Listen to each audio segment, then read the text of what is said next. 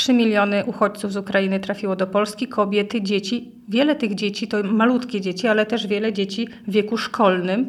No i właśnie trafili też do naszego systemu edukacji. Mierzymy się z tym od kilku miesięcy. Ci uczniowie przyjeżdżają, wyjeżdżają. Mamy niemal miesiąc do końca roku szkolnego, a ciągle też są nowi, których trzeba jakoś odnaleźć w tym systemie, znaleźć dla nich miejsce. Jak my realizujemy, jak jesteśmy w stanie pomóc tym uczniom, którzy szukają tego wsparcia w szkole, choćby tego, żeby wyjść z domu i mieć takie oderwanie trochę też od tej codzienności, od tej rzeczywistości, którą zostawili na Ukrainie. Oczywiście uczniowie, którzy chcą uczyć się w polskich szkołach, bo też jest możliwość nauki online, którą prowadzą szkoły ukraińskie.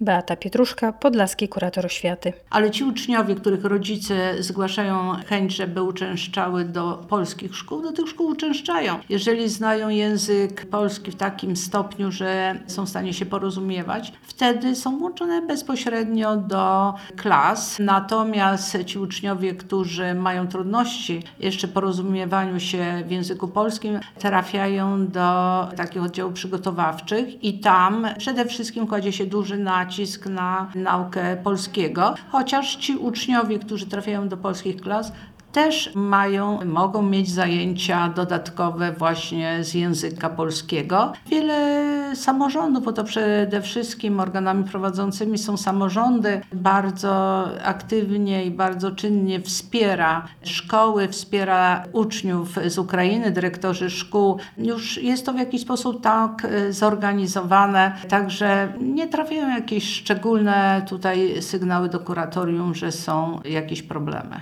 Oprócz tych umiejętności językowych, które oni potrzebują doskonalić, czy w ogóle zdobywać, bo przecież mogli w ogóle nie mieć wcześniej kontaktu z językiem polskim, zapewne też jest potrzebna jakaś pomoc psychologiczna.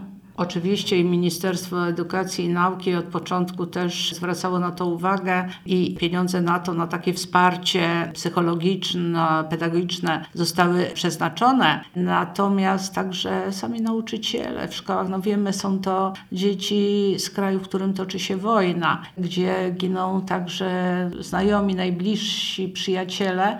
No jest to traumatyczne przeżycie dla nie tylko dorosłych, ale przede wszystkim także dla dzieci one zostały wyrwane z tego miejsca, w którym żyją, musiały uciekać całymi rodzinami przed wojną, a często ojcowie czy bracia po prostu zostali tam i, i walczą. I takie wsparcie oczywiście szkoły czy poradnie psychologiczno-pedagogiczne gwarantują.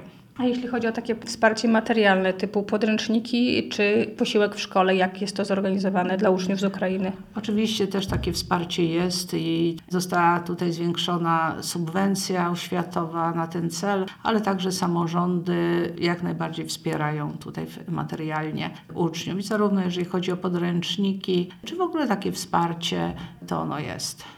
Czy my przygotowujemy się do tego, że ten nowy rok szkolny będziemy mieli razem właśnie wspólnie z tymi uczniami z Ukrainy? Z całą pewnością, no wszyscy liczymy na to, prawda, że wojna zakończy się i będą mogli Ukraińcy wrócić do swojego kraju i wszyscy chcemy, żeby ona jak najszybciej się zakończyła, ale trzeba się przygotowywać do nowego roku szkolnego i także no, dobrze, żeby te dzieci były też no, w szkole między dziećmi.